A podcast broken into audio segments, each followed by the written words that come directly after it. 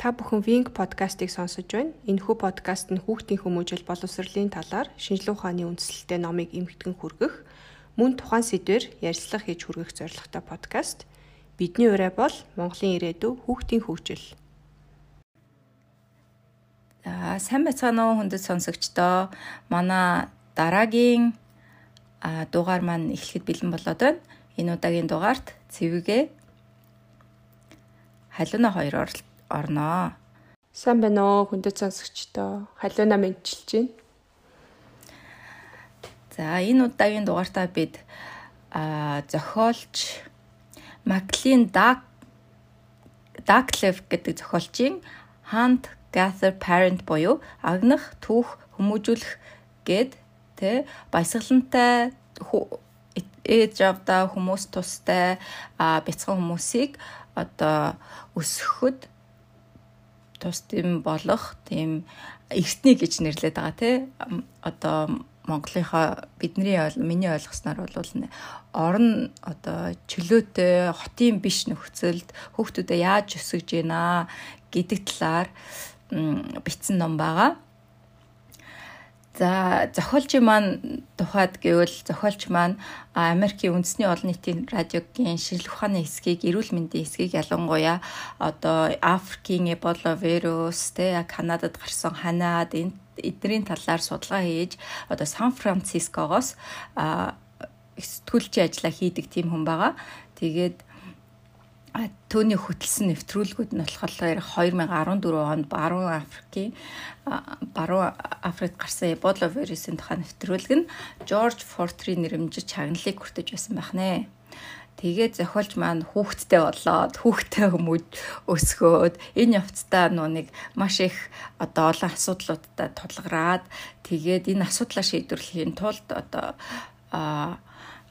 гурван улс руу те Канадын хойд хэсэгт байгалах хойд хэсгийн тосгон руу, Африкийн нэг тосгон руу, Мексикийн нэг тосгон руу, гурван одоо тосгон руу очиж хүүхдтэйгээ хамт айлдаа байрлаад те тэр тухайн соёлд хүүхдээ яаж өсгөж хүмүүжүүлж байна гэдэг ийг хараад ажиглаад энэ номыг гаргасан байгаа. За зохиолчийн маань тухайд гэх юм бол 3 настай охинтой яг энэ номыг одоо бичиж эхлэх эхлэхдээ тий охинд 3 настай байсан. Охиныг нь одоо Рози гэдэг аа тэгээ мэдээж л бүх хүүхдүүдийн адилаар Рози бол маш сэргэлэн цовоо тий ирч хүчтэй бүх юмыг хийх одоо дайчин зоригтой тийм охин байсан. Аа тэгээ зохиолч маань бол өнөр нь өстой амар гоё гэж бичсэн байгаа байхгүй юу. За тэгээд бүх л ээжүүдчийг зохиолч маань ерөөсөө охинд амиа тавьдаг те юу ч юу хүссэн тэр бүхнийг нь өгдөг тийм их хайртай. Гэхдээ охин нь болохоор яг зохиолчд яг зохиолч яг өөрийнх нь дайсан юм шиг те өглөө босчрол нүүрэн дунд тас халгадаал авдаг, аль эсвэл өшөглөөл авдаг, аль эсвэл уурлахаараа дуртай газар одоо таарлсан газар хазчдаг. Аа тэгээд бүр сонирхолтой нэг үл энэ одоо ингээд жоохон бахта одоо нөхөр нь нэг удаа эмчэд очиад хэлж хэлсэн юм л дээ. Манай охинс амар хэцүү ингээл нэг бол идчихэдэг, нэг бол унтчихэдэг. Аль эсвэл уйлжээдэг. Тэр сайлварлсан байгаа. Тэгээ жоохон том болоод одоо 3 нас хүрээд ихийн үедлэлэр охин нөгөө уйлах нь өөрчлөгдөд уур уцаараар солигдоод нөгөө уур уцаараа яаж гаргаж ийнэ гэхээр зохиод тий тийм байдалтай гаргаж байгаа.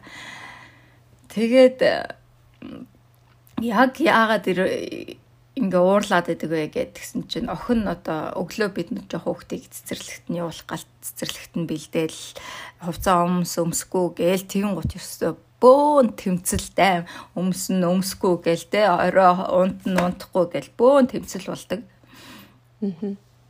Тэгээд үүнээсээ болоод манай зохиолч маань бүр өөрөө ингээ амар одоо ядраад бүр ингээд за энэ хүүхдийг өсгөж чадахгүй маань гэд бүр одоо амар цөхрөнгөө барж эхэлсэн. Өөрөө маш их ядарсан.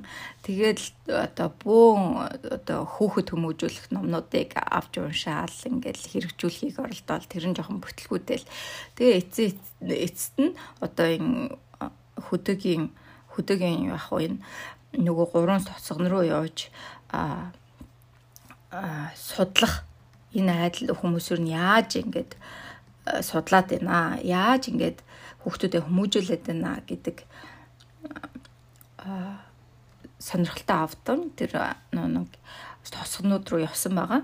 А за тэгээ мань хүн бас баахан ном уншсан шүү дээ тий. Энэ номууд нь болохоор ердөө те дандаа Америкийн хүүхд хүмүүжүүлэх аргууд, аль эсвэл Европын хүүхд хүмүүжүүлэх аргууд энэ нь болохоор ер нь анхандаа яаж одоо энэ энэ ном дээр бичснээр бол яаж энэ соёл нь хурж хүүхэд хүмүүжүүлэх арга соёлууд нь хурж ирсэн бэ гэхээр тухайн одоо дээр үед энэ номнууд ч дээр үед ч яг 1900 дайны дараахаа энэ номнууд бичигдэж эхэлсэн. Тухайн үед эмэгтэй эмч нар цөөхөн байсан. Эрэгтэй хүмүүс ингээд тэр одоо тийх ёстой, ингэх ёстой гэдэг гаргалгааг нь гаргаж ирээд тэр нь ингээд номон дээр бичигдээ тэгээд нийтэд дүгэн дэлгэрсэн байгаа аахгүй. Тэгэхээр энэ ер нь бол жоох үнслэл багтай гэх мань хүн бас тэгсэн байгаа. Тэгээд бас нөгөө Европууд ч Америкууд ч нөгөө ээж аав нараасаа жоохон хол өссөн те хол байдаг нөгөө эмээ өвөө нь хүүхэд өсгөлцөх хүүхэд өсгөх үйл явцад баг ордог учраас нөгөө соёл нь ингээд нөгөө дараагийнхаа үедээ одоо сайн очихгүй байна хүүхэд хүмүүжүүлэх гэж үзсэн. За тэгээд хүүхэд яагаад уурлаад байдаг вэ гэхээр за одоо сонсогч таныг одоо өглөө босонгууд за хувцас өмс одоо одоо шээ одоо цайгаа уу гээл те үйлдэл болгоны чи хянаад ах юм бол ерөөсө хинч гэсэн хөөхт ч гэсэн бүгд ингээд одоо хүнээр хянуулах амар дургу байд юм байна л да. Тэг ингээ а ийм хянуулах дурггүй байдаг учраас хүүхэд энэндээ бачураад уурлаад эхэлдэг байх юм байна. байд юм байна. Аа.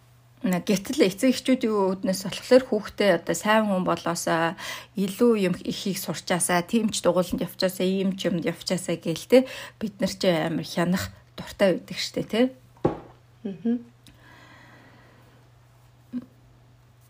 За тэгээд энэ номдлолоор энэ хүүхдээ хэрхэн одоо хүүхд одоо хэрхэн одоо хүүхдтэйгээ хамтраад урамшуулад тэ хүүхдээ хэрхэн хүмүүжүүлэх вэ гэдэг арга замыг заасан байгаа.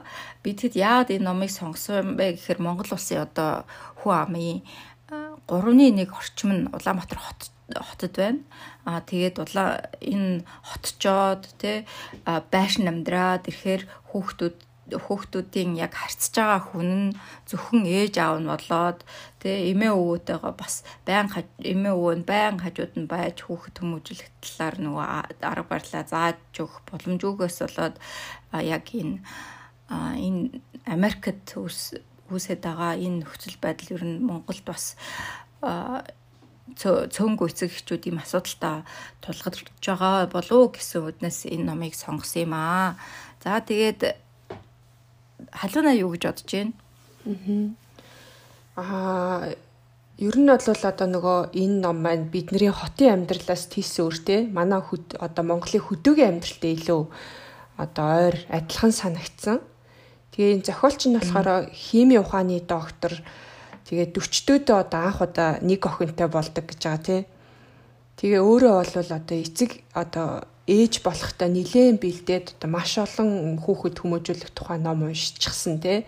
Ерөнхийдөө бол одоо хүүхдээ югаарлал югаарлал дутаахгүй ингээд санхүүгийн эрх чөлөөнд хүрсэн ингээд өсөхөд бэлэн байгаа шүү дээ тий. Гэтэл тэр хүн ингээд өөрөө өөртөө бүр ингээд яага болохгүй байна гэд ингээд бодсон гэж байгаа юм тий.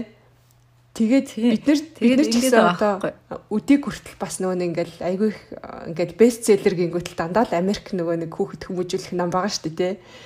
Тэр ном номноос ингээд нөгөө шал өөр өнцгөр бичигдсэн. Тэгээ бас бидний одоо нөгөө өнцгөөс нь юмыг бас харах хэвээр заавал одоо юу гэдгийг Америк илүү хөгжилтэй болохоор Америкийн соёлыг даах хэвээр ч гэдэг юм уу? Тэр нөгөө нэг бодлын маань эвдсэн одоо тим ном байсан учраас маш их таалагдсан.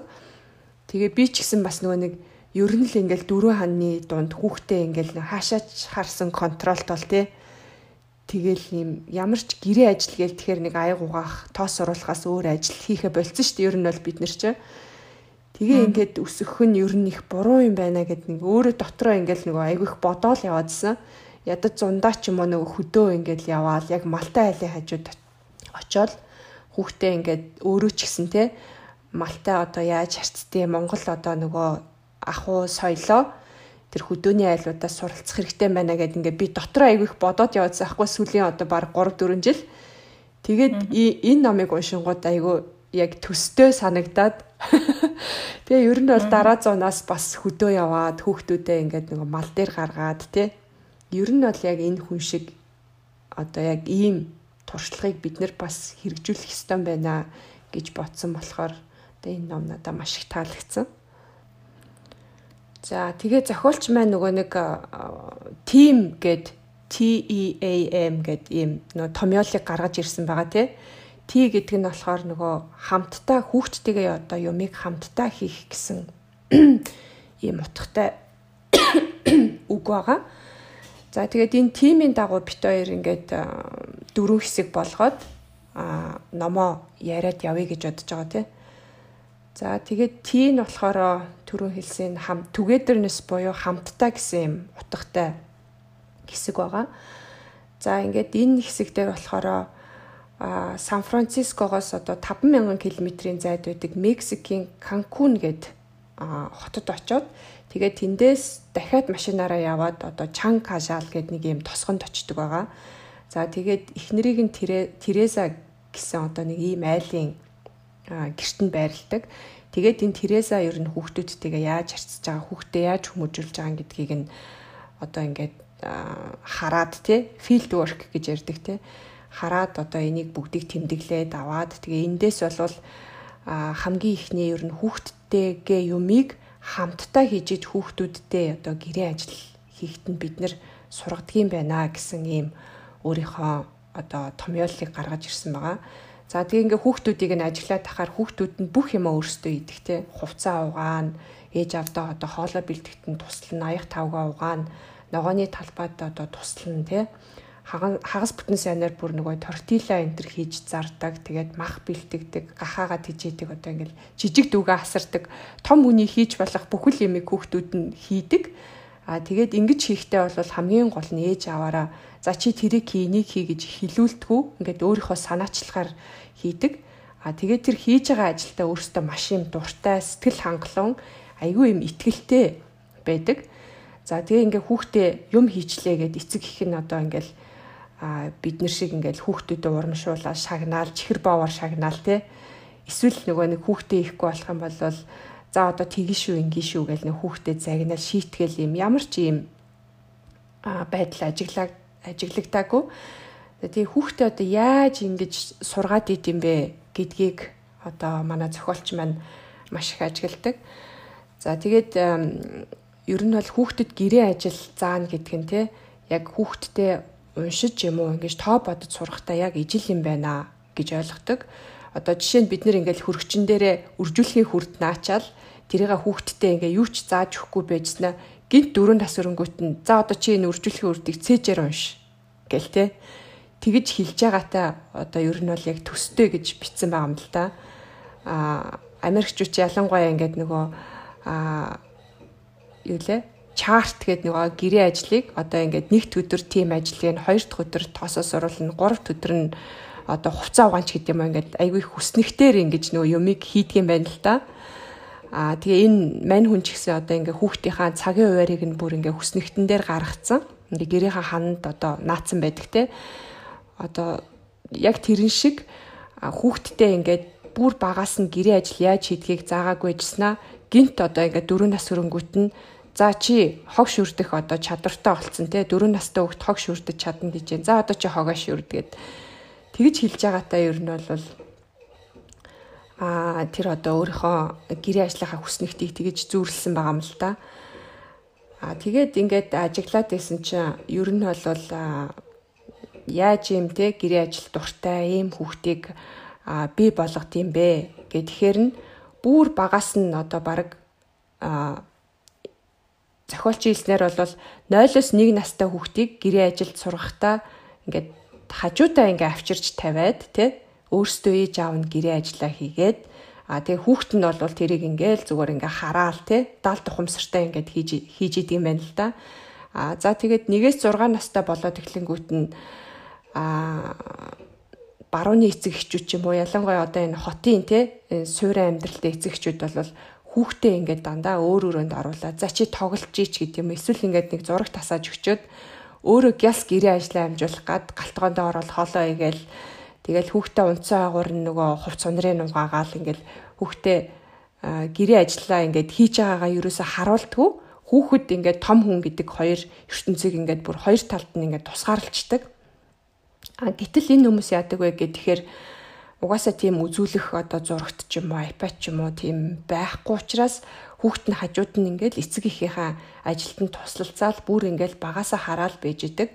Тэгээд 1-6 настай хүүхдүүдийн хувьд болохоор хол бай чи тэр өрөөнд орж одоо тоглол гэж хэлхийн оронд байнга ингээ хажуудаа аваад те гэрээ ажилдаа туслуулаад Гэхдээ бүр ингээд нэг амар хүнд хүчээр ажил хийлэгдэхүү гэж байгаа байхгүй юу? За одоо чи энэ аягийг угаа. За чи одоо тэг гээд ингээд бие тааж нэг хийлэгдэггүй. Дандаа хамтдаа ингээд нөгөө хийдэг. За ялаа хоёлаа энэ аягийг угаая гээл те. За хоёлаа энэ тортилаг хийч гэдэг юм уу. Дандаа ингэж нөх хүүхдтэй хамтдаа юмыг хийдэг. А тэгээд ийм жижиг сажиг ажлаас эхлээд хийлэгдэм байна л да. Тэгэхээр ер нь бол хүүхдэд аяндаа хүнд туслах ч юм гоё юм байна хүн туслах туслана гэдэг чи одоо тий эргэн тойрныхоо зүйлийг ажиглаад а энийг хийчихээр хүн тусалж байгаа юм байна гэд ингээд өөрөө мэдрээд эхэлдэг. За тэгээд мөн тэр нөгөө нэг хүүхэд гэрээ ажил хийх хүснэгтийг бас нөгөө шүүмжилж бичсэн байгаа юм л да. А юу гэж бичсэн бэ гэхээр ингээ хүснэгтэн дээр те за одоо чи тэр өдөр хог асган тэр өдөр чи тоос оруулна гээ ингээ биччихээр өөр амьдрал дээр зөндөөл олон бас ингээд ажлууд гарч ирдэг те Тэгэхээр хүүхэд тэр нөгөө зөвхөн хүснэгтэн дээр байгаа зүйлээ хийдэг одоо юм робот шиг а тэгээд өөр зүйлийг ингээд хийх ёстой гэдгээ мэдэрдэггүй тийм одоо хүүхэд те зөвхөн одоо чиний хариуцлага бол энэ хүснэгтэр хязгаарлагдана гэсэн ийм сэтгэхүй хүүхэдтэй бас нөгөө а хөгжүүлчдэг юм байна л да. Одоо тэр хүснэгт гэдэг зүйл нь. За тэрийг бас ингэж шөөмжилж хэлсэн байгаа. А за тэгээд яаж одоо юм хамтрагч те ээж автагаа дандаа юм хамттай юм хийдэг хүүхдийг бий болох вэ гэхээр мөн бас дандаа хамттай гэдэг үгийг ашиглах ёстой гэж хэлсэн байна. За хоёлаа ингээд цуг галтгоогоо цэвэрлэе те. За хоёлаа цуг ингээ хамтдаа угаасуу хувцаа их хийч гэдэг юм те.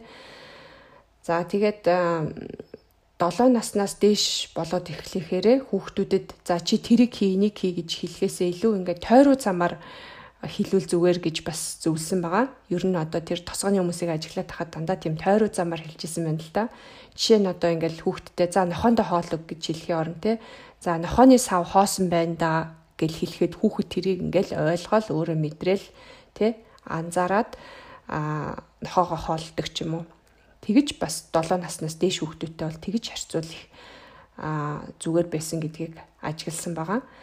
За тэгээд мөн одоо ингээд Терезагийн өглөө яаж өнгөрдөх талаар зохиолч маань дүрсэлж ин одоо ном дээр бичсэн. За тийм ингээ 16 настай охинтой юм байна л да 16 13 тэгээ 6 настай юм 3 хүүхэдтэй. За тэгэл хамгийн томыг нь миний охин босоорой гэж хэлэнгүүт хүүхэд нь ингээл нэг хэлүүлэнгүүт л өөрөө ингээл хичнээн ойрмолж исэн ч гэсэн босоол те. За тэгэл чи дүүгийнхаа үсийг өнөөдөр одоо ингээд нөгөө хариуц самнах ёстой шүү гэж хэлэнгүүт хүүхэд нь ингээд нойромглол шүү дүүгээ очиод босгоол. Тэгэл дүүгийнхаа үсийг нь ингээд самнж өгөөл тэр хооронд нөгөө 13 настай хүүхэд нь өөрөө айгүй тийм сургууль дуртай болохоор аль хэдийн босоол хувцас өмсөөл өглөөнийхөө цайг ууцсан тэгээ ер нь эндээс болохоор ингээд айгүй хүүхдүүд нь ингээд эцэг ихтэй туслахаасаа гадна хоорондоо ч гэсэн а ингээд хүүхдүүд нь бие биендээ тусалдаг. Одоо бие биендээ тусалж байгаагаа нэг тийм а одоо би тийм ажил ичлээ, ажил хийлээч гэдэг юм нэг амар тэгэж юм сүр бадруулж боддгоо те. Зүгээр л би биентэйгээ ингээл хамтраал томон жижигээ хараад а ингэж байгаа ажиглагддаг. За тэгээ ээж нь ч гэсэн ингээд нэг амар тэгэж хүүхдүүдээ хөөе чи хувцас өмсөж, хөөе чи тэгээч, хөөе чи гар нүрээ угаач гэж юусэн ингэж нөө ойрлж уурлж байгаа юм дүр зураг ажиглагдаагүй ихэвчлэн ингээд ээж нь нүүрнийхээ хувирлаар гарынхаа ин тохио зангаагаар хүүхдүүдтэйгээ тий за одоо ингээд гараа нэг тохиод хурдан хувцас өмсч гэдэг юм тэгж гин гэж ингээд хүүхдүүд нь ойлгодог тийм төр зураг ажиглагддаг за ингээд бүх бүгд босоо цагаа угаад а гэрээсээ гараад явхад яг ингээ 20 минутын хугацаа зарцуулсан гэж да. Тэгээд энэ нь бас зохиолчд юм маш юм сонин содон санагддаг. А зохиолч болохоор ингээд нөгөө Розигээд охиныхоо цагийн хуваарийг нь болохоор ингээд маш сайн тооцоолоод хан дээр үлгцсэн байт юм байна л да. Тэгэл ер нь бол бүхэл одоо сайн эцэг эхчүүдээ тэгж хийдэг. Америкт бол энийг одоо хамгийн сайн эцэг эхчүүдийн хийдэг зүйл гэж өөрөө боддог байсан.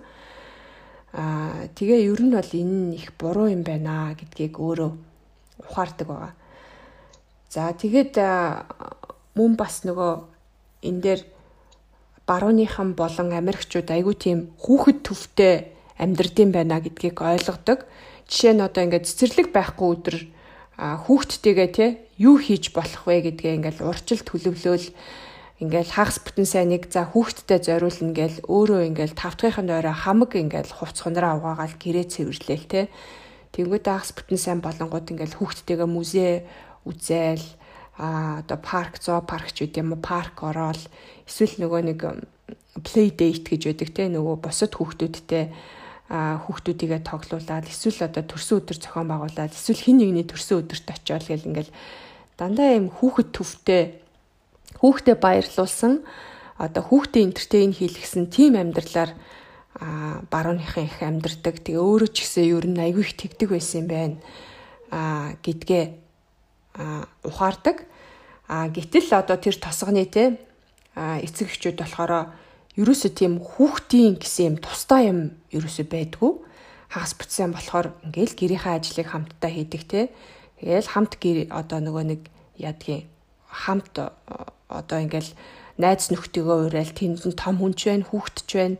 Тэгээл гэртээ сайхан ингээл бүгдээрээ дуулж хурдаал Тэгэл хүүхдээ болохоор за чи явж тоглол зурагт үзгээл ингээл хүүхдээ ердөөсөө юм том хүнээс тусгаарлалтгүй дандаа юм томчуудын амьдралд оруулж а томчууд нь ч гэсэн ингээд томчуудынхаа өөрсдийнхөө амьдралаар амьдарч байгаа нь тийм нөгөө томчуудтай айгүй стресс багтай. Тэгээ томчууд нь стресс багтай болохоор буцаад хүүхдтэйгээ харьцахтай айгүй тийм тайван а одоо тий тэгж байгаа нь анзаарэгддэг. А тэгээд өөр Тэгээд өөрөө ч гэсэн ер нь бол а гэртээ ирээд те энийг хэрэгжүүлж эхэлдэг. А заавал би нөгөө нэг ингээл бүх юмыг хүүхдийнхаа төлөө те өөрөө нөгөө нэг хүүхд нь босс өөрөө одоо хүүхдийнхаа нарийн бичиг юм шиг ингэж аяглахаа болдог. А тэгээд хүүхдтэй ингээд сэрүүн байхад нь хүүхдтэйгээ хамт гэрээ ажиллая гэж бүх юмаа ингээд амжуулцдаг. А хүүхдтэй унтсан хойно ингээд өдрийн унтлага хийж явах оронд нь өөрт нь айгүй их цаг гараал те ном уншаал, Netflix-ээр кино үзэл ер нь ингэж болдгийм байна гэдгийг өөрөө а ойлгодог байгаа. За тэгээд бас нөгөө нэг төрөө хэлсэн те хүүхдээ ингээд нөгөө ажил хийлгэхийн тулд тийм шагнал урамшуул өгөөч юм уу тийм шийтгэж байгаа эцэг эхийг огт хараагүй хүүхэд ер нь бол гэр бүлдээ туслахын тулд хамтдаа ажил хийхийн тулд хийж байгаа гэдгээ багасаа ер нь ойлгоцсон байт юм байна л да. За тэгэхээр ер нь бол одоо тэр шагнал урамшуул ингээл хүүхдээ нэг юм хийчихээр од өгөөд идэг тэрийг бол бас их өөрөө буруушааж ер нь бол энийг нэх амарт гэж үргэлжлүүлжтэй хэрэгжүүлээд хэрэггүй юм байна гэж боддог байгаа. За тэгээд энэ дээр бас нөгөө нэг хамтдаа хийн гэдгийг баруунд болохоор одоо нөгөө хүүхдээ бие даалгах чинь ингээл бүх зүйлийг нь өөр өөр нь хийлгэхийг хичээгээд идэг те. За одоо чи жишээний аягааг угаах хэвээр угаа гэл эсвэл чи хувцас өөрөө өмсгөл өрөөгөө өөрөө цэвэрлэгээл гэрийн даалгавраа өөрөө хийгээл ингээл бүх юмыг өөрөөр нь хийлгүүлэх гээд бие даалгах чинь ингээд ингээд шахаад хүчлээд идэг. А гэтэл одоо хүний мөн чанар бол маш олон зууны турш хамтдаа юмыг хийхдээ дуртай байдаг. Ер нь хамтдаа ивэл илүү үр бүтээлтэй байдаг байсан юм байна л да. Тиймээс одоо хүүхдээ ямар нэгэн юм хийхтэн те тусалдаг, одоо дэмждэг юм хамтдаа хийдэг, зааж өгдөг юм байх хэрэгтэй гэдгийг өөрөө бас ойлгосон. За тэгээд хүүхдээ бас нэг их ингэж нөгөө нэг магтж байгаа нь ажиглагдаагүй. Хүүхдийг ер нь магтаад эхлэхээр нөгөө ах トゥ нар хоорондоо айгүйх өрсөлддөг болдго юм байна л да. Тэгээд ер нь ингээд нэг тийм магтахгүй байснараа хүүхдүүд бас бие биендээ илүү их туслахыг хичээдэг юм байна гэдгийг ойлгодог. За тэгээд э, ер нь бол хүүхдээ магтахаас илүү гэр бүлдээ оруулж байгаа хувь нэмрийг нь илүү үнэлдэг. Тухайн одоо нөгөө тосгоныхан байна. Тэгээд хүүхдийнхаа бас те саналыг нь сонсдог. За тэгээд хүүхдээ ингээд ажил хийж яхад нь үгүй үгүй ингэж одоо хийдгүй юм гэж ерөөсөө хилдэггүй те хүүхдийнхээ хийснийг нь одоо засаал ингэж нөгөө өөрөө дахиж перфект болгоол те тэгж ерөөсөө хийдэггүй За ингээл ашиглаж байгаа багжийг нь булааж аваад за чи буруу хийгээд байна. Али би хий энэ төргээд ерөөсөө тэгж байгаа зүйл ажиглагдаагүй. Буруу хийжсэн ч гэсэн хүүхдээ ингээд нөгөө зогсоодгүй баг багаар нөгөө хүүхэд гэдэг чинь гэрээ ажлыг тийм хурдан сурдггүй одоо яг тоо уншиж сурж байхдаа адил баг багаар ингэж нөгөө эцэг эхийн дэмэнд сурдаг гэдгийг маш их ингээд ойлгоцсон а тийм хүмүүс байсан тосгоных нь. За тэгээд хүүхдтэй бас ингээд нөгөө гэрээ ажил хийчихээр нь талархлаа яаж илэрхийлж байна вэ гэдгийг ажиглахаар бүр нэг амар тийм нөгөө нэг гой үнтэй цайтай юм аваад хүүхдээ ингээд магтаж урамшуулад байдгүй дуртай хоолыг хийж өгдөг эсвэл одоо хүүхдээ хэрэгтэй ингээд нөгөө аймс дотор хувцсын ч юм уу авч өгдөг. Одоо тийм зүйл ажиглагдсан. За тэгээд энэ дээр надад нэг сонирхолтой санагдсан хүүхдтэйгээ ингээд нөгөө энэ зохиолч маань одоо охинтойгоо нөгөө нэг хамт хоол хийсэн байна л да. Тэгээд тэр бичлэгээ бичиж үздэг. Энэ 2 цагийн гаруй юм бичлэг болдог. Тэгээд дараа нь тэр бичлэгээ ингээд өөрөө сонсоод үзсэн чинь охиныхоо нөгөө санааг нь өрдөөс өөрөө огт сонсдгоо те. Охиноо ингээл нэ охин хөөх хөөхий ингээл санаачлах санаа ингээл гаргаад исэн байна л да тэр юуныхаа турш тэрийг нь ерөөсөө өөрөө огт сонсоогүй хүлээж аваагүй байгаа байхгүй. Тэгээ тэгээд тэрийгээ өөрөө сүулдэ ингээд нөгөө бичлэгээ сонсоод бүр ингээ уйлмар санагддаг. Тэгээ ер нь бол эцэг эхчүүдэд бас та нэг тэгж үзээрэй гэж бас энэ дээр зөвлөсөн байгаа. За тэгээд team буюу одоо togetherness буюу одоо нэг хамтдаа хэрэгжүүлэх гэдэг хэсэг маань ингээд дуусж байгаа. Номын маань дараагийн хэсэг болохоор encourage буюу урамшуулах тухай. Хүүхдийг хэрхэн яаж урамшуулж авах вэ? За хүүхдийг ер нь урамшуулахын одоо хамгийн ихний бэлтгэл нөхцөл болохоор хүн эцэг эхчүүд бид нар нөө уура одоо өдөрдөж сурах буюу уурлахгүй байх талаар зохиолч минь бичсэн байгаа. За зохиолч минь одоо нөгөө судалгаа хийхээр Канадын Кагурак гэдэг үзэсгэлэнт байгальтай газар очсон.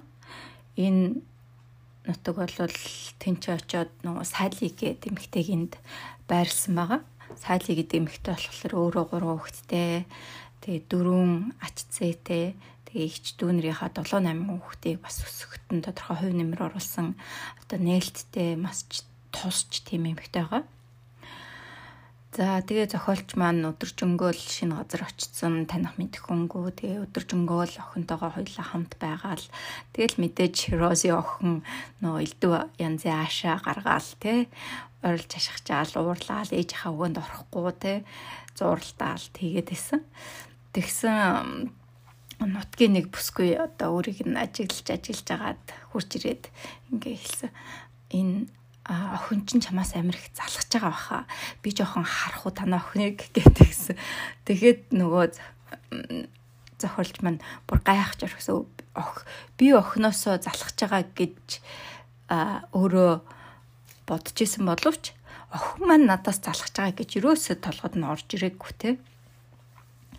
За тэгээд охин ингээд залхаад уурлаад янз бүр болоод ахаар зохиолчийн маань авдаг арга хэмжээ болохоор эргүүлэл уурлаад загнаал те бас бид нар шиг орилж ашигчаал хүүхдээ загинждаг байсан. Ээж аав нь ч гэсэн мань хүнийг орилж ашигчаал загнаал юм хумаа шидлээл тэгэл тэгж өсгсөн. Гэтэл хүүхэд болохоор яг ингээл орилж ашигчаал эхлэхээр хүүхэд нөгөө сонсоо байгаа юм байна л да бас нөгөө талаар юу гэж ойлгож болох вэ гэхээр хүүхэд хүн ингээд хүүхэд рүүгээ ингээд л орилж ашигчаал янз бүрийн ааш цан гаргаад ахаар хүүхэд чинь бас тэр тэгж уурлаж уур илэрхийлэх арга замд суралцд юм байна. Бүр мэрэгшиж эхэлж байна.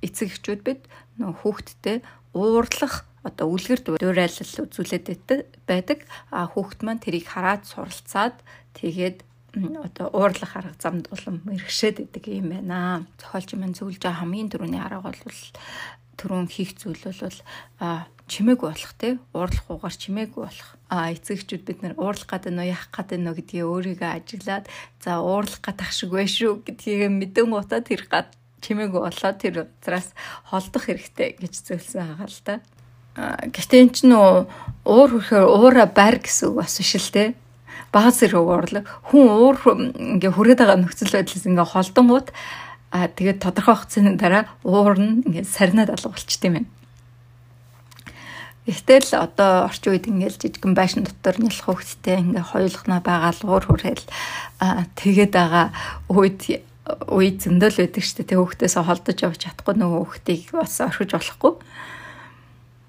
Тэгэхээр да эхлээд хөвгт хөвгт маань одоо юу ч мэдэхгүй энэ ертөнцид ирээд одоо цав цагаан цаас шиг юу ч мэдэхгүй шүү дээ гэдгийг нь өөрөө дотроо дотроо хүлээн зөвшөөрөх хэрэгтэй. Тэгээд яг л уурыг яаж удирдах вэ гэдэг шиг нэг дээр нэгийг нэмээд эхлээд зурна. Шууд нэг дээр тавыг нэмээд сурахгүй штэ хүүхэд чинь нэг дээр нэгийг нэмээд эхлээд зурна гэдэг шиг баг багаар ингээ хүүхэдтэйгээ ажилласаар агаад тэгээд хүүхэд чинь уураа удирдах сурдаг байх нэ.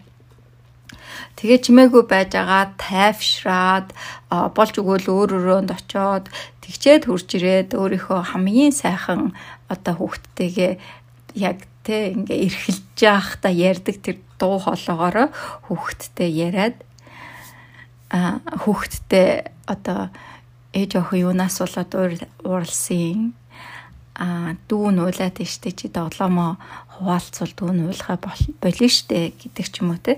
За тэгээ өөр бид хэд ингээ өөрснөө эцэг эхчүүд уураа удирдаад ингэж чадах юм бол хүүхдүүд ч гэсэн явандаа өөрийнхөө удир өөрийнхөө уурыг удирдаад сурд юм байна. А бас нэг зохиолчийн маань анхааруулад байгаа зүйл болохоор бид нар одоо ёо миний уурыг хөрөх гээл илдэв юм хийгээл гээл тийм бодол толгойд маань байдаг штэ тий тэр бодлоо авч явах хэрэгтэй?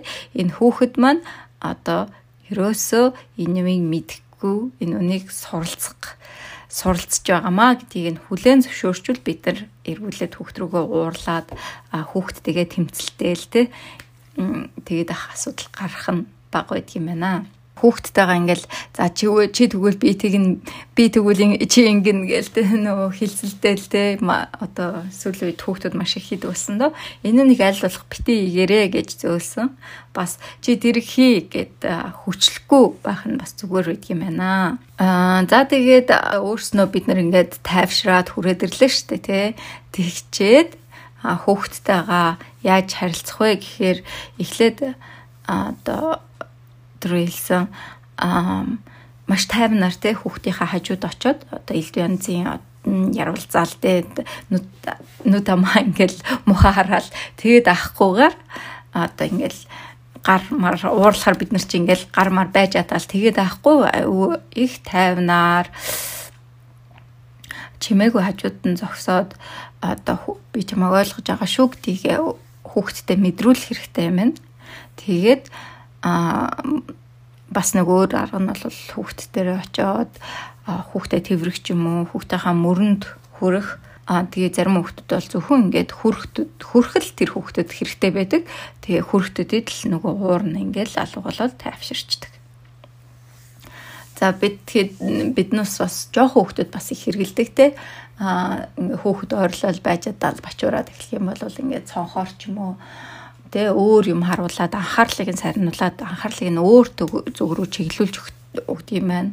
Аа бүр бас хүүхдэд гадаад агуулж гараад тэ нөгөө нэг дотор бачуураад бачимдаад нэг нэг газар байгаад ахаар чи хүн чинь нэг залхаад өөр юм хиймэр санагддаг штэ тэ тэрүүн шиг гадаа гаргаад гаргаж бас болно аль аль эсвэл бас нэг хүүхдээ тоохгүй орхичлээ тэнцээ ингээл хүүхд чинь бас өөрөө дүүтэйг асуудлаа өөрөө шийдэж бас болно шүү дээ тий тэгээ хэсэг хугацааны дараа өөрснөө тоглож байна үст тий за тэгээ зохимжгүй үйлдэл хийгээд агаа хүүхдүүдийг тий яавал зүгээр вэ гэхээр а одоо Америкчд бол аль болох ингэж ярихыг зөвлөд юм байна л да хүүхдтэй Тэгээд бас их яриад өглөөд тэгээд ахыхаа оронд үйлдэлээрээ бас харуулж болох юм байна. Ингээд нүдээ том болгоод ч юм уу те толгоогоос ихсрээд одоо тэгж болохгүй гэдгийг үйлдэлээрээ ойлгуулж болно.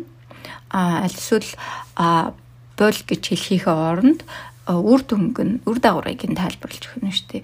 А за энэ шатаар одоо ингээ хоёр гიშ гээд яваад ах юм бол чи шатнаас унж болно шүү гэд зүгээр анхааруулад хэлчих хэрэгтэй. За тэгээд янз бүрийн ааш гаргаад ингээд хийх юм олж ядаад байгаа тийм хүүхдийг одоо үүргэжүүлэх хэрэгтэй. Хувцас авих гэдэг юм уу те өглөөний цайгаа бэлтгэж гэдэг юм уу? Үйлдэлүүдийг хийлгэж өгөх хэрэгтэй. Үүргүүд янз бүрийн ажлууд хийх хэрэгтэй ажлыг хуваарлж өгөх хэрэгтэй аа бас өөрснөө бид нар мэдээж үлгэрлэх хэрэгтэй шүү. Чимээг орж ирээд гэрээ зэвэрлэх ч юм уу, хайгаа угаах ч юм уу. Тэгээд хүүрэг хүүхэд бол тэр үнийг мань ажиглаад харж идэг учраас ээж аваагаа дуурайгаад ажилтдаг байх нэ. За тэгээд дараагийн хэсэгт нь болохоор хүүхдээ хүмүүжүүлэх дэг журамд оруулах талаар янз бүрийн үлгэр түүх ярьж өгөх те а аль эсвэл дүр тухайн нөхцөл байдалд дараа нь тавьширсныхан дараа дүрд орж тоглох те за дүүтэйгээ муудалцсан бол ингэод ингэж хэлвэл яах вэ тэгж хэлвэл яах вэ гэд янз бүрийн дүрд орж тоглох те энэ аргуудыг ашиглаж хүүхдээ одоо дэг журам сургах одоо хүм хөжүүлэх боломжтой гэдгийг зохиолч маань одоо энэ хэсгийн сүүлд нь бичсэн. За тэгэхээр энэ бүлэг маань ерөнхийдөө болохоор аа эцэг эхчүүд бид нар хүүхдээ ямар нэг зүйлийг хийхэд нь а уурлахгүй эхлээд тайвширж агаад тэгээд тухайн үйлдэлийг хийхдээ а үйлдэлэрээ үгээрээ урамшуулж хүүхдээ хүмүүжүүлэх тийм арга барилыг одоо санал болгосон байгаа. За тийм гэдгийг маань 3 дугаар хэсэг буюу одоо A гэдэг автономи буюу одоо бие даах гэдгээс илүү хараат бус гэсэн одоо утгыг илүү илэрхийлж байгаа ийм хэсэг байгаа. За хүүхдээ яаж ингэж те нөгөө өөрөөсөө ийм хараат бус хүмүүжүүлд юм бэ гэсэн а одоо ажиглалтаа хийсэн байгаа манай зохиолч. За тэгээ Танзаны Хадзабе гэдэг ийм омогт охинтойгоо хамт ирээд айлын хажууд майхан бариад байрладаг. За тэгээд тэднийг одоо ингээд ер нь бол одоо ирчүүд нь анд яваал те им эмгтээчүүд нь ногоо чимсээ түгэл гэрээ ажиллаа хийгээл ер нь бол ийм омог байгаа. За тэгээд тэднийг одоо дагаад ингээд анд явж үздэг те. Тэгээ анд явж явахдаа болохоор өөрөө нөгөө нэг охиноо энтэн дунаад гимтчихвээ гэл ингээд бугуунаас нь амар чанга барайл тэгэл охин өглөөл те ямар хэцүү юм одоо ингээ хизээ гэрте харих ингээл ингээл тэгэл амар дургу явж исэн. Тэгэл өөрөө нөгөө тэр хүмүүсээс цоцорч чугуун тулд охиноо ингээл чирээл гултчаал те. Гэсэн чи тэр байдлыг ажиглаад одоо нэг эрэхтэй ирээ те. Та зүгээр ингээд охиныхоо гараас нь тавьчихаа. Тэгээ та өөр ард нь ороод яв охин чинь чадна гэд хэлдэг. Тэгээ манай зохиолч бүр ингээ гайхаад те. Энд ч одоо ингээ унаа төгчүүл яах юм бэ гэл айгүй бодоол. Тэгэл ямар ч үсэн тэр хүний одоо хийснэр хийдэг. За тэгсэн чи охин бүр маш сонирхолтойгоор айгүй ингээд өөрөө дуртай тий а хөлөө ингээд зөв гიშгээд ягаад ингээд өвлөхгүйгээр бүтэн 3 цаг тэр хүмүүсийг дагаад явдаг байгаа.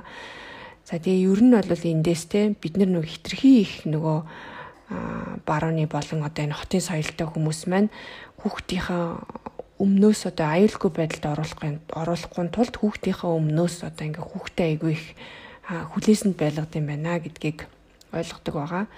За тэгээд энэ омгийн ингээд нөгөө айгүй гоё юм байгальтай. Тэгээд өглөө нь 5 цагт нар мандаал хүмүүс нь ингээл бүгдээрээ галаа тойрч суугаал өглөөнийхөө цаг уугаал. Оройн бас яг ингээл бүгдээрээ галынхаа дэргэд цуглаал дуу одоо ингээл дуулж хурдаал те хүүхдүүд нь тэрийг нь сонсоол ингээл хүүхдүүд нь тусдаа ингээл зурагт үзээ ч юм iPad хэрэглээ ч юм уу. Эсвэл бүр ингээл нэг уйдсан шинжтэй тийм байдал өрдөөсөө ажиглагддгүү. Айгуу гоё тийм ингээ бөөнөрөө хамтдаа өглөөг өгтөд хамтдаа одоо орой гүддэг юм гоё юм соёлтой газар. Тэгээ энэ хүү амьдралын хэв маяг нь яалтчгүй одоо хүмүүсийг тийм стресстэй, депресс багтай тэгээд эцэг ихнэр нэг юм уур уцааргүй юмд яарсан тийм биш юм амьдралын хэв маяг нь бас энэ хүмүүст их нөлөөлт юм байна гэдгийг өөрөө мэдэрдэг.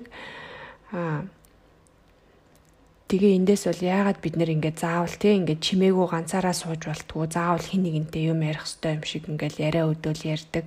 Эсвэл заавал нэг юм хийж явах хэвээр юм шиг бид нэр ингээд өөрсдийгөө яагаад энэ орчин үеимс завгүй байлгаад идэм бэ гэдгийг бас а эндээс өөрөө бас боддог цохолч маань. За тэгээ тэр омгийн Бэли гэд нэг охинтой илүү их ингээд дотносдөг юм байна л да. За тэр охин болохоор 5-аас 6хан тийм настай а тэгсэн хэрнээс арталтаа ингээл дандаа 6 сартай дүүгээ үүрээ явж идэг те тийм охин байдаг. Тэгээд тэр Бэлэд ингээд Америкаас авчирсан мафин гэдэг нөгөө боо өгсөн юм байна л та. Тэгсэн чи тэр Бэлээ нь болохоор өөрөө ерөөсөө огт амдаа игээгүй ингээд бүгдийн дүүдөө өгдөг. Тэгээд тэндээс бас яаж юм нөгөө нэг юм сайхан уужим те сэтгэлтэй өөрөө нэг өмхийг ч гэсэн амсаад үзчихье гэж бодо боддгоо бүх юм ингээд дүүдэд зориулдаг. Яаж ингэж байж чаддаг юм бэ? Рози одоо энэ охины оронд байсан бол ингэх байсан уу? Би хүртэл ингэх байсан уу гэд те. Бас энэ хүмүүсийн өгөөмөр сайхан сэтгэлийг нь бас их гайхширдаг. За тэгээд тэр омгийнхноос одоо нэг эрэгтэй нь манай зохиолчд нэг юм хоч өгсөн юм байна л да. Хоно хоно коко гэдэг нэг хоч өгсөн. Тэгээ энэ хоч нь ямар учиртай юм бэ гэж асуусан чинь энэ бол ингээд нэг модны нэр гэж хэлсэн. А гэхдээ яг цаатлын утга нь бол төр хүлээгэж a bit буюу төр хүлээгэж гэсэн юм утгатай хоч өгсөн юм байна л да. Тэгээ одоо надаа яагаад юм хоч өгж байгаа юм бол гэл өөрөө айгүй их тийм тухайн үед айгүй их гайхажсэн. За тэгэл ер нь ингээд нөгөө хүмүүсийн те энэ омгийнхны хүүхдээ ингээд өсөж байгаа яаж ингэж бие даасан юм хараад бус хүүхэд өсөж байгаа юм бэ гэд нууц нь яг юунда байна гэд ингээд ер нь ажиглаадсэн чинь хүүхдийнхаа өмнөр орж ер нь бол нэг юм хийдэггүй те ингээд хүүхдтэй за тэрийг хий нэг хийгээд хилдэг. А тэгэнгүүтээ бас ингээд тодорхой хугацаа өгөөд хүүхдэд ажигладаг хийж чадж гин үгүй юу гэдгийг ажигладаг хүүхдтэй ингээд өөрөө өөрийнхөөрөө тэр зүйлийг ингээд сэтгээд хийх тийм хугацааг нь өгдөг. Айгүй их тийм эргчлөөтэй байлгадаг гиг нь а одоо мэддэг. А тэгээ ер нь бол өөрийнхөө тэр хочийг а одоо хүүхдийнхээ өмнөр айгүй их орж юм хийдэг те. Хүүхдийнхаа одоо юу гэдгийг өмнөөс нь айгүй шийдвэр гаргаж хүүхдээ айгүй контролддаг юм байна гэдгийг өөрөө ойлгоод яг тэр байдал нь тэр омгийнханд ажиглагдсан учраас надад тийм хоч өгсөн юм байна гэж ингээд нөгөө сүулт ойлгодог. За тэгээд хүүхдүүдийг нь ажиглаад тахаар те хаашаа явмаар байна хүүхдүүд нь тишээл явдаг тэр Танзанд хүүхдүүд нь юу юмээр нь дуртагаал гэдэг юм маш их хэрэгчлөөтэй байгаад нь бас их гайхдаг. За тэгээ өөрийнхөө охиныг бодоод үзсэн чи ингээл дөрөв хааны дунд те гэртээ байхдаа дөрөв хааны дунд ээж аавхаа хяналтан доор аа тэгээ сургууль дээр очихоор багшийн хяналтан доор тэгэл ингээл хөдөлгөөн болгоно томшуудын ингээ зааврын дагуу яг ингээ шоронд байгаа юм шиг юм байна гэж өөрөө бас тэгэж боддог. Аа тэгээд мөн Танзаны хүүхдүүд ч гэсэн юм сэтгэл хөдлөл айгүй гой чөлөөтэй илэрхийлж байгаа нь анзаарэгддэг. За мэдээж л хүүхд юм чин тэ тэн тархины хөгжил явагдаж байгаа учраас зөрүүдлэх одоо нөгөө 2 3 насны синдром гэл тэр хэцүү үед байдаг хүүхдүүд нь ингээл аа айгүй их зөрүүдэлдэг орилж хашгирдаг тийм зүйл бас бас л ажиглагдж байгаа юм л та. А тэр тохиолдолд болохоор аав ээж нь одоо чимээгүй бай, битгий уйл, одоо тайвширч гэдэг юм ингэж хүүхдүүдээ сэтгэл хөдлөлийг нь удирдах байгаа тийм байдал өрдөөсөө ажиглагдаагүй. Хүүхдүүд нь ингээл одоо жишээ нь 18 сартай хүүхдгэд яг л том хүүхчигтэй өөрөө бие даагаал эн тентхийн одоо нөгөө айлуудаар ороод гараад тэгж яваалаа. Тэгэл жоохон том хүүхдүүд шоглол тоглоом моглоом минь булаах юм бол өөрөө хашгираал тэрийг буцааж аваал.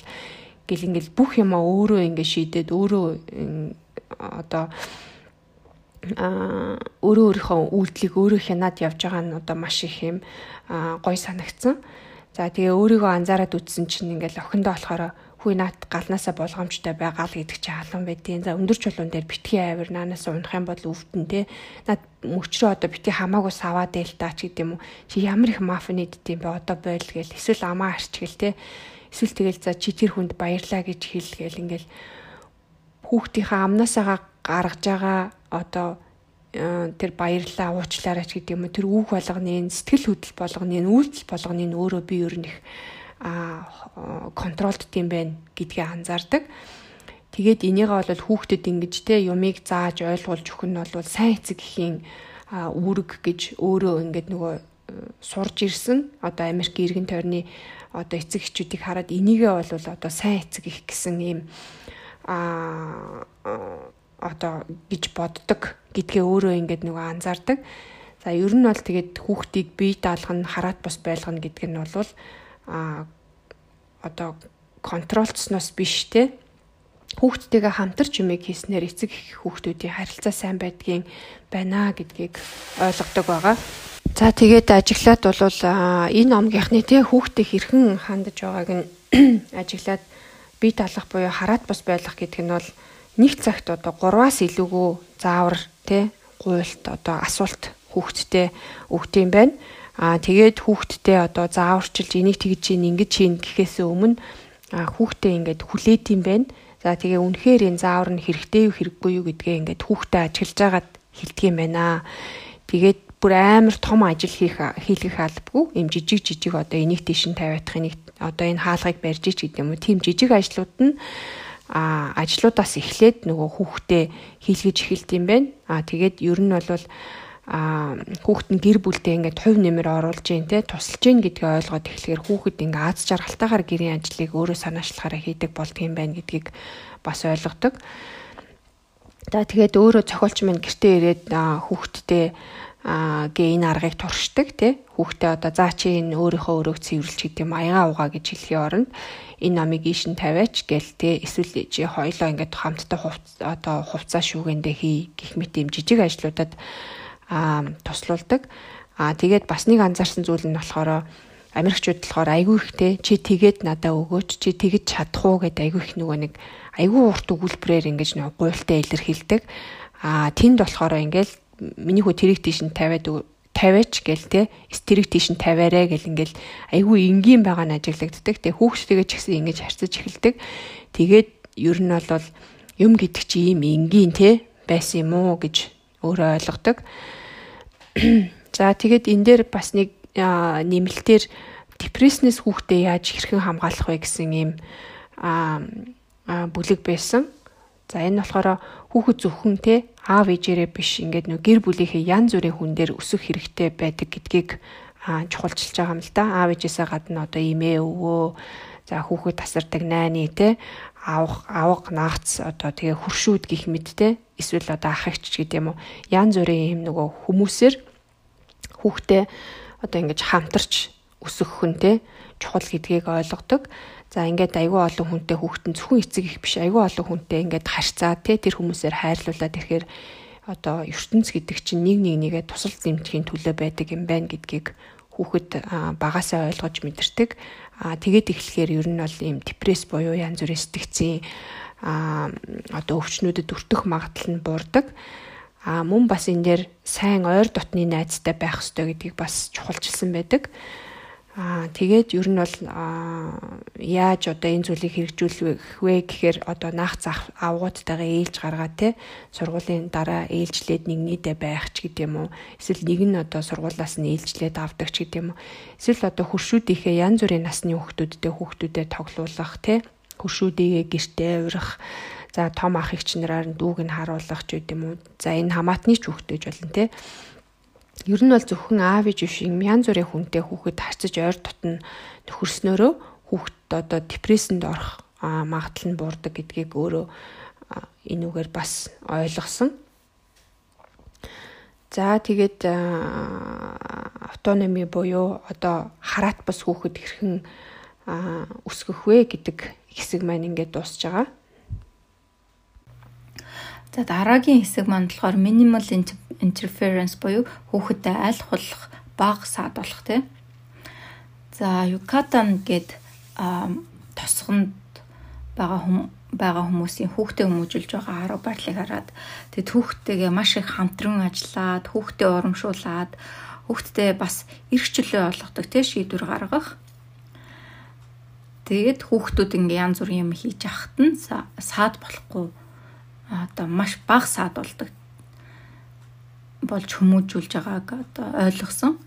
За орчин үед болохоор сүүлийн үеийн одоо ялангуяа хөгжиж байгаа нийгэмд болохоор эцэг эхчүүд Улаанбаатарт ч гэсэн тий эцэг эхчүүд хүүхдийнхаа бүх одоо хийх үйлдэлүүдийн одоо хянчдаг. Яг л хүүхдээ нөө утсан күгэлтэй шиг тий өөрийн гэсэн толгойгүй юм шиг тий тэрийг энийг а тий тэрний хооронд тэгжээ хоорондоо тэрийгэ хий гэд бүх үйлдэлийг нь заагаад өгчөдөг.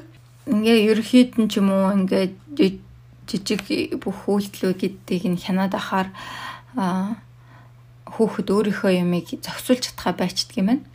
За мэдээж эцэг эхчүүд хүүхдүүдэд сайн хүүхэн хүн болоосоо сайн нөлөөлөл үзэл хийсэн гэж бодсны үднэс л ийм үйлдэлүүд хийж байгаа л да. Гэтэл энэ тосгонуудад тосгонуудад амьдарч байгаа эцэг эхчүүд болохоор хүүхдээ эрх чөлөөтэй сул одоо холоос гэх юм уу хүмүүжүүлдэг юм байна.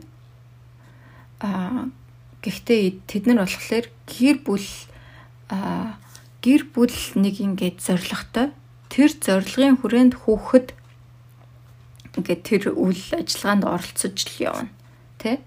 Одоо жишээлбэл нөгөө нэг жишээ гарч исэн да тий нэг гамбар гэртээ гамбар хийж исэн мэлүү дээ тий хүүхэд нь орж ирээл оролцоол тэгээл одоо чи хий гэж хүчлэхгүй хийлхийн хийгээл муухай ч гэсэн өөрөөр нь хийлгээл тэ а хүүхэд яг дурт сонирхож байгаа үед нь хийлгээл а сонирхгүй болвол хийгээж хүчлэхгүй.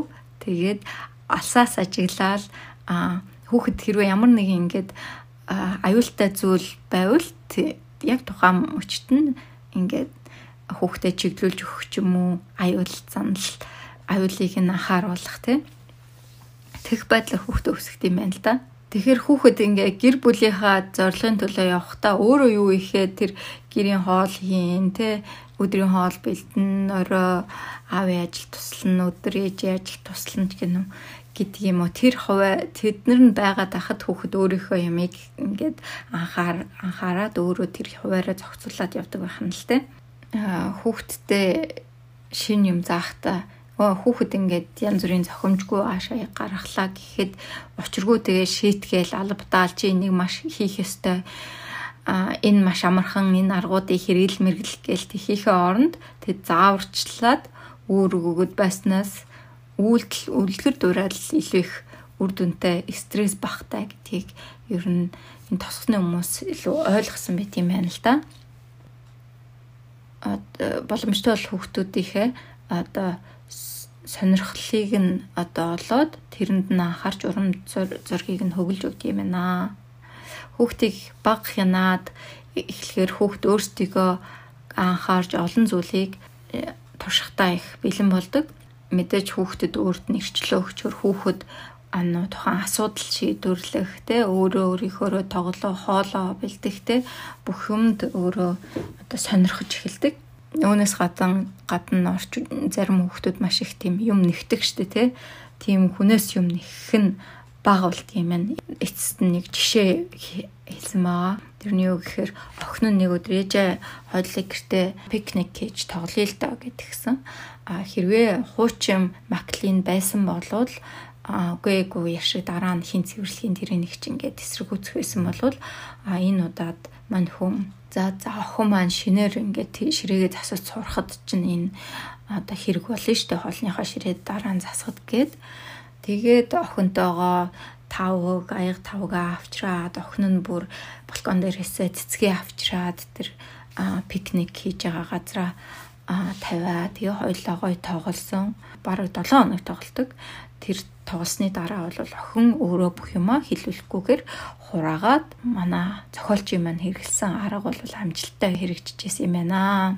Тэгэл эцэгчүүд бид нар болохоор хүүхдээ олон юм сургачихсан, бүх юм сайн болгочихсан гэл олон юм сэтэл те өөрсдөө тэр хүндээ стресстэй байдаг.